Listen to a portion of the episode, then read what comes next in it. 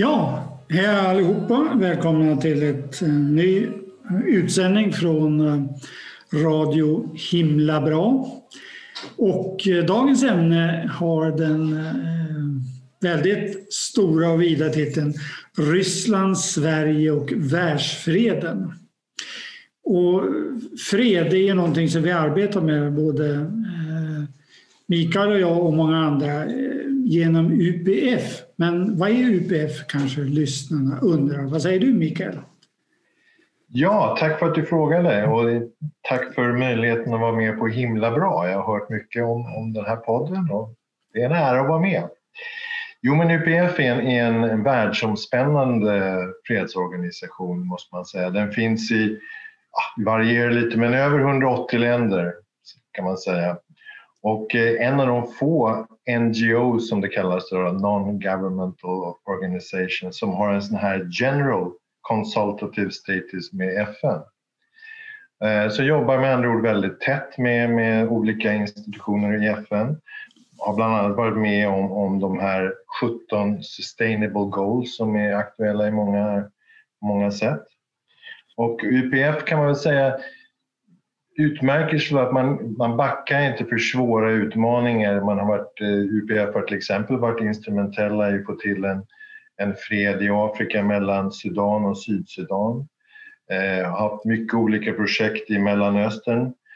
Senaste veckorna kanske inte det känns så, så framgångsrikt men eh, över tid så har, har det skapats många fora för, för olik, de olika parterna att, att eh, diskutera och och eh, hitta lösningar.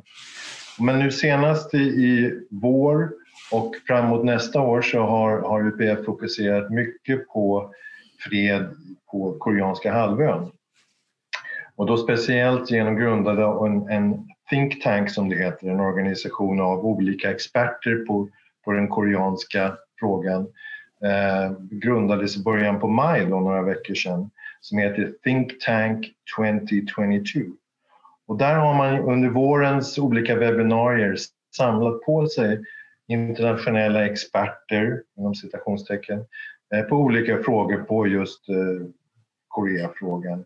Och eh, målet varför den heter Think Tank 2022 är ju för att under 20, 2022 så kommer det vara en rad viktiga händelser i, i Republic of Korea och men även Democratic Public of uh, Korea um, Democratic People's Public of Korea, DPKR.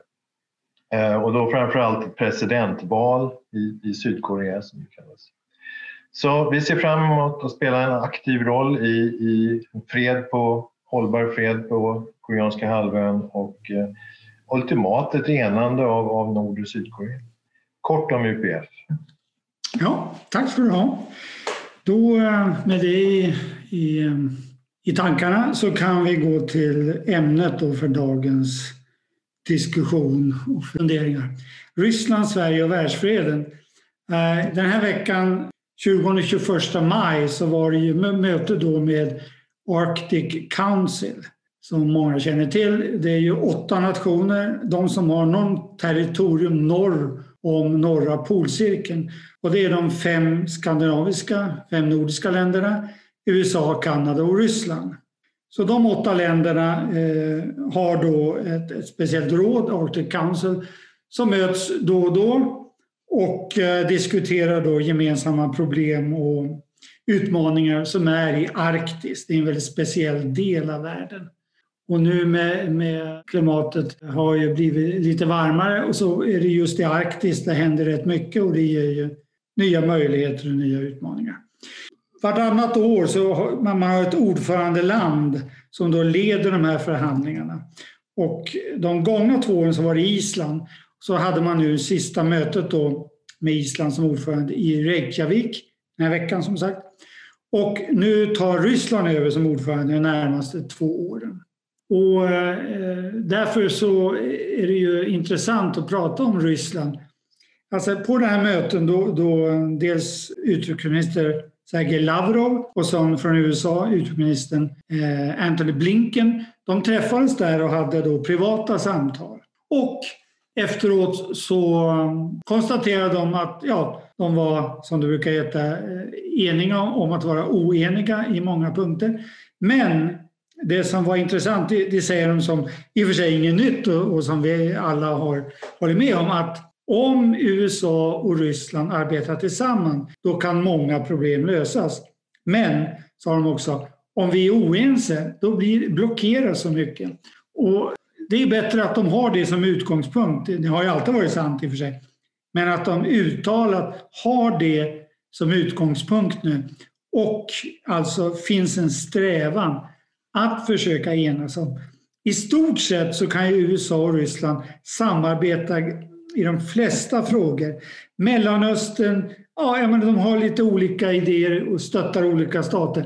Men i grunden är det inte så svårt. Samma i Ostasien och många. Det, det, det som är väldigt svårt är naturligtvis Ukraina. Det är en svårlöst sak. Men eh, vad de kommer överens om att det finns det andra forum för. Men i Arktis ska vi koncentrera oss på arktiska problem. Och eh, Ryssland sa också att han ville ha tillbaks de här överläggningarna mellan eh, militära eh, befälhavare, militära styrkorna i Arktis, de här åtta länderna, nordiska och USA och Ryssland. Därför de, eh, i och med Ukraina-krisen 2014 så avbröts de här diskussionerna och det är ju inte bra. Sen har det ju liksom varit incidenter, alltså incidenter, men det har varit, man har klagat på varandra för att vara lite för aggressiva, bägge sidor. Och det är bra om militären då kan lösas och ta ner det på så att det behövs inte uppstå något onödigt gnissel.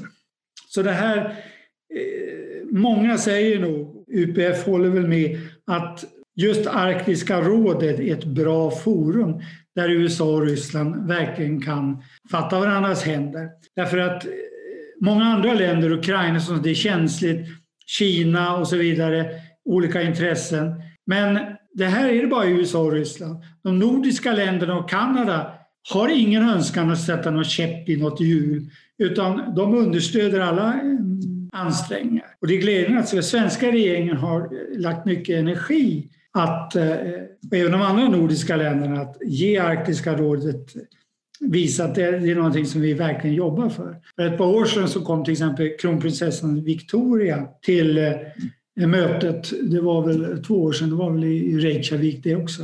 Och, och det hörde man sen efter att ryssarna uppskattade väldigt mycket.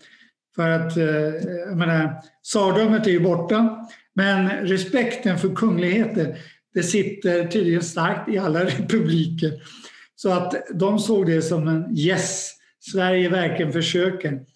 Och nu eh, inför nästa år då, de tar ju över ordförandeskapet, men de planerar nästa år att ha möte, kanske på Nordpolen. Att de flyttar grejer och håller mötet på Nordpolen. Det vore ju ganska eh, intressant på något sätt. Och eh, faktiskt, de har kontaktat en svensk miljardär som heter Fredrik Poulsen som har varit väldigt intresserad av Arktis och det där området.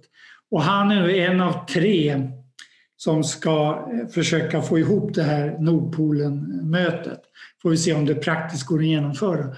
Men eh, det visar också återigen att ryssarna ser att Sverige försöker verkligen se och hjälpa till att Arktiska rådet kan bli där USA och Ryssland kan i en avspänd form. Och de har gjort det förr, löst många problem. Eh, när Sverige ordförande och möttes i Kiruna till exempel, då, då, gjorde de eh, saker som sen fick praktiskt genomförbart. Men sen som sagt, senare har Ukraina kommit och ställt till lite så att det blir svårare. Men förhoppningsvis kan vi, eh, kan vi återfå det goda samarbetet som var tänkt när kommunismen kollapsade. Då, då var det många som man bildade partnerskap för fred och så vidare. Det fanns mycket förhoppningar. Men samtidigt så sveks de där förhoppningarna också. Jag kommer ihåg de intervjuade några marin, vad heter det, sjöbefälhavare i, i Kaliningrad. Och, och, och de summerade så bra. De sa att när Sovjet hade kollapsat och kommunismen var borta så såg de väldigt optimistiskt på samarbetet och sa We thought the Americans were our friends but they didn't care about us. Och den där känslan att han blivit liksom ja, åsidosatt, det gick ju ryssarna väldigt djupt och det där är ett problem som det gäller att ta bort gradvis och förhoppningsvis så är det på rätt väg och Arktiska rådet är nog det. Det, det är detta om detta. Men sen är det ju andra problem. Eh, USA är väldigt splittrat, eh, vet vi. Och Ryssland är också väldigt splittrat. Eh, och vi ska prata lite om Ryssland här och, och hur, hur, hur, vi kan se olika möjligheter, olika scenarier. En tanke jag hade där Jan Peter på det arktiska rådet där, det är intressant för att det är inte så många aktörer och det underlättar väl och då är många av de, eller ja, de nordiska länderna har ju inga världsambitioner om man säger så. Så är det inte så att, att Ryssland och USA kan liksom få träffas lite i fred där och det kanske inte är något värsting eh, journalistuppbåd liksom. Har, har jag rätt där? Vad tror du om det? Ja, Jo, det, det, är väl det är den stora fördelen med Arktiska rådet. Som sagt, USA och Ryssland möts, kan prata och det finns ingen som stör mötet så att säga. När, vad de än säger så kan man räkna med att nordiska länderna och Kanada applåderar. Huvudsaken bara att det, det är liksom... De har ju inga brännande nationella intressen så att säga. Som, Lite glada att få vara med. Ja, ungefär.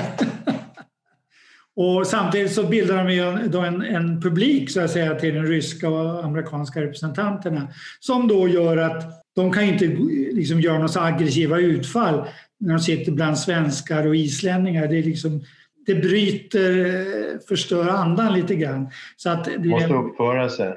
Ja, det, det, blir ofta så. Det är som man är vuxna med barn, man, man försöker att hålla en, Ja, det var lite snällt, kanske inte så snällt sagt från de nordiska länderna. Men lite grann så är det ju. USA och Ryssland har ju väldigt stor makt. Medan de nordiska länderna, ja, eh, inte så maktgalna så att säga, om man ska säga så. Men är inte den ryska och den amerikanska grund, eh, grundattributen ganska lika varandra på något sätt? Att just det här lite, de, de är, har, stor, har en vid blick, vet sin egen kraft och makt men, men vill också skapa goodwill. Liksom. Det finns en, en ja, det, finns det en likhet där?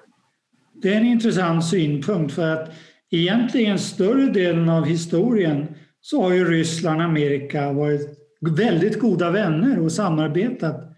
Det var bara egentligen i och med att kommunismen dök upp, då blev det den här ideologiska skillnaden. Men eh, jag kan säga i motsats till när, när de två världskrigen som började, när det var England och Tyskland och Frankrike, det ledde ju till krig. Men bägge USA och Ryssland är inte så intresserade eh, att liksom anfalla. De har i grunden en ganska kan vi säga, defensiv utgångspunkt. Mm. Om de blir anfallna, då slår de tillbaka med all kraft naturligtvis. Men de söker inte strid egentligen utan de har sin, sin agenda, sin intressesfär och det vill de bevaka. Men ja, de är i grunden defensivt tänkande som styr. De vill bara utveckla. De har så, stort, så mycket problem invärdes, så stora länder. Så att de vill vända sin ambitioner inåt på många sätt. När du säger det så är, då är jag reflektionen att det är intressant, hela kalla kriget kan man väl säga, då, då var det ju väldigt uppenbart att de pratade tufft mot varandra och det var lite liksom, ganska heta grejer. Men det blev aldrig något, det blev aldrig något man mot man-krig om man säger så. Det säger en del av att... Och det är klart att det är en väldig tur det, för det hade ju kunnat gått illa. Men det blev inte så, eller hur?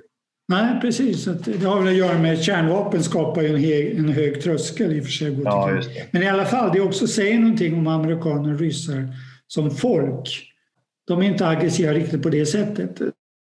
De vill eh, expandera sin, sin, eh, vad de har att säga. De vill ha inflytande i världen, men inte till vilket pris som helst. Så att säga. De, inte, de har lite framförhållning kan man säga.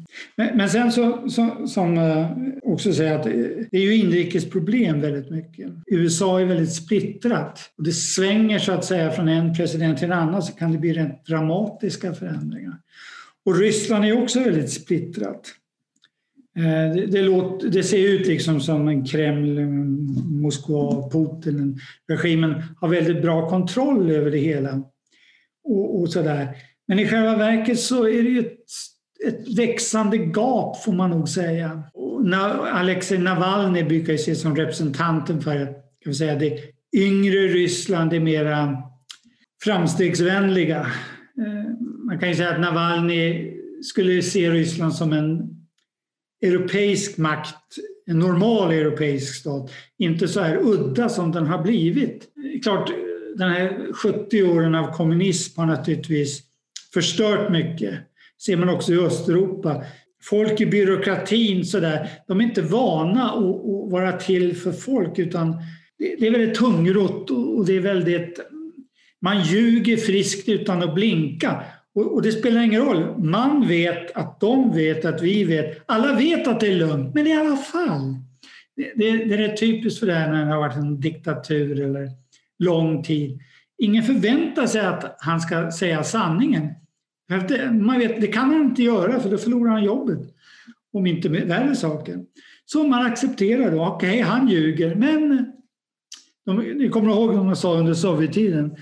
De där uppe låtsas som de betalar oss och ger oss någonting och vi låtsas att vi arbetar och lyder dem. Men det var bara en lek, en låtsaslek. Själv så, väldigt självständiga tänkare i Ryssland. Och Navalny nu, i och med att det fanns lite utrymme, menar, det är inte alls som på Sovjettiden. Eh, Putin är en, eh, en resonabel person och det är mera samma system som det var under tsartiden. Tsaren är en despot, ja visst, men det finns mycket utrymme. Du kan i princip säga vad du vill. Eh, du kan stå på Röda torget och skrika Putin är en idiot. Ja, det händer ingenting. Men när du börjar organisera dig som det kan börja bli motstånd, för det vill de inte ha.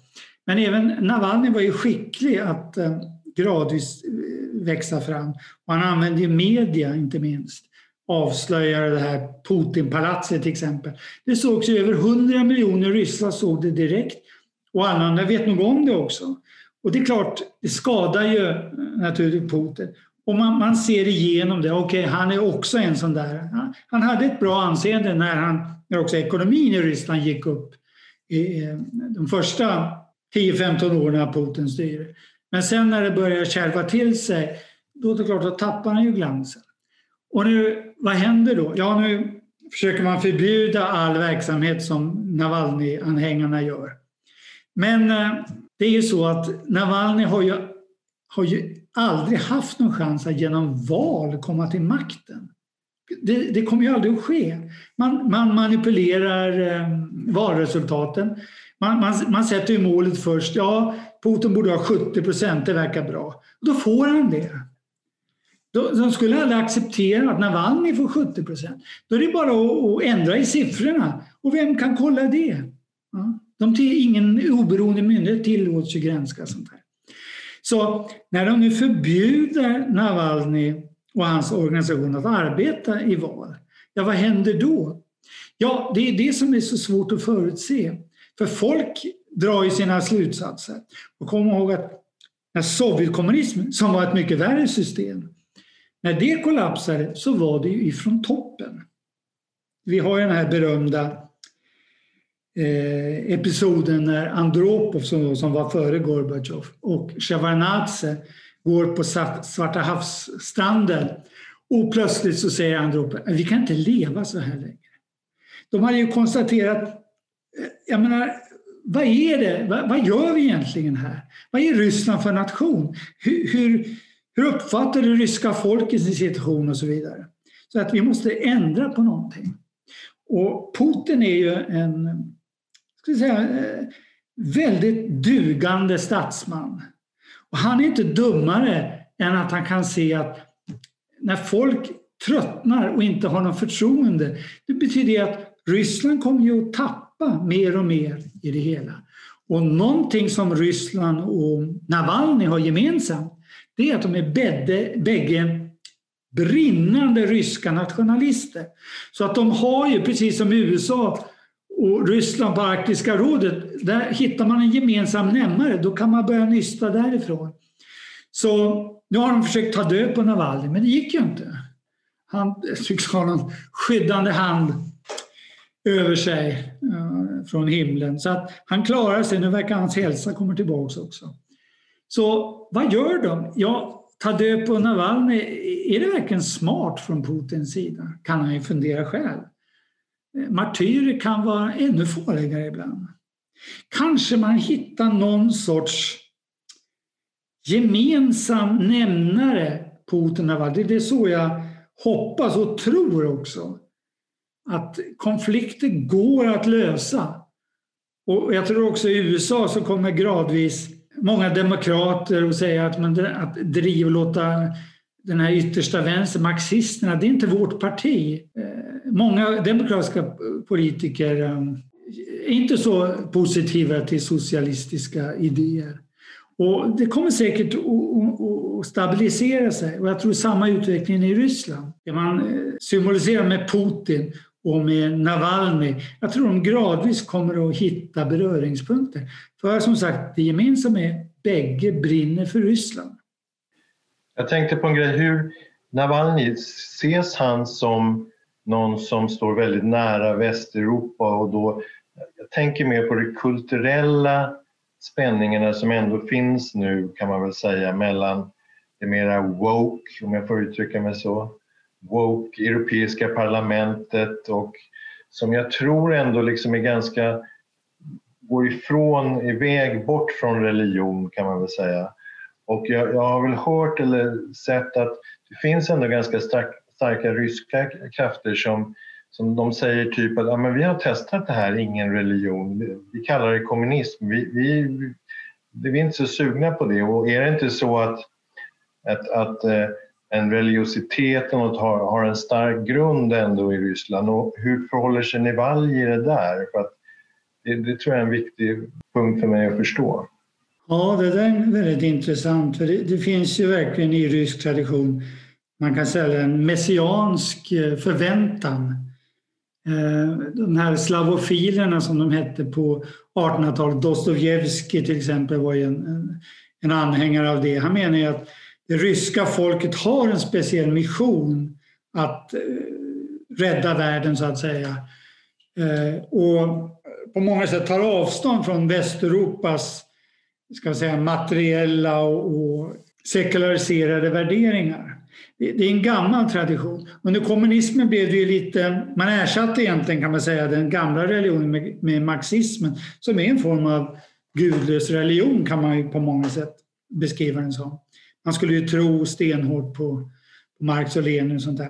Och sen, men men den, den får ju, den slår ju inte an riktigt i människosjälen. Så att den sopades bort och nu är ortodoxa kyrkan tillbaks. Och, och Putin är ju, han vill ju gärna synas i sådana i sammanhang och han har ju pratat om hur han, hans tro på Gud och sådär och hur, hur det växer fram och så vidare. Eh, Navalny, jag har inte hört honom säga så mycket om det där men vad han definitivt gör, han tar ju avstånd från Västeuropa. Det är intressant att journalister från, från, från väst vill han inte prata med överhuvudtaget. Han vill inte bli inblandad, vill inte liksom bli placerad i det. Det är tacksam då för, för Putins folk att säga ja, han, han är egentligen en agent för utlandet. Han vill införa det hemska Västeuropas eh, omoraliska värderingar och så vidare. Så han har verkligen eh, markerat väldigt hårt. Han, är helt ointresserad av väst på det sättet. Sen hur pass religiös han är personligen, det, jag har ingen aning. Han uttalar sig sällan om det och gör han det har inte jag fått veta det i alla fall. Men, men han markerar, det, han, han följer de här traditionerna från, från eh, 1800-talet, Bejajev och allt vad de hette. Att Ryssland är unikt, Ryssland är speciellt, Ryssland har en mission. Världen utan Ryssland, ja det blir ett enda kaos. Så på det sättet eh, följer den här mm. traditionella. Ja, det låter bra tycker jag för att eh, alltså det finns väl en tendens, nu, nu är det lite personliga åsikter, men det europeiska parlamentet, de, de, man känner ju fortfarande tror det är de högsta moraliskt stående liksom och kanske inte så jättedemokratiska själva. Hela den EU-apparaten det är ganska många som säger har, har stora demokratiska brister.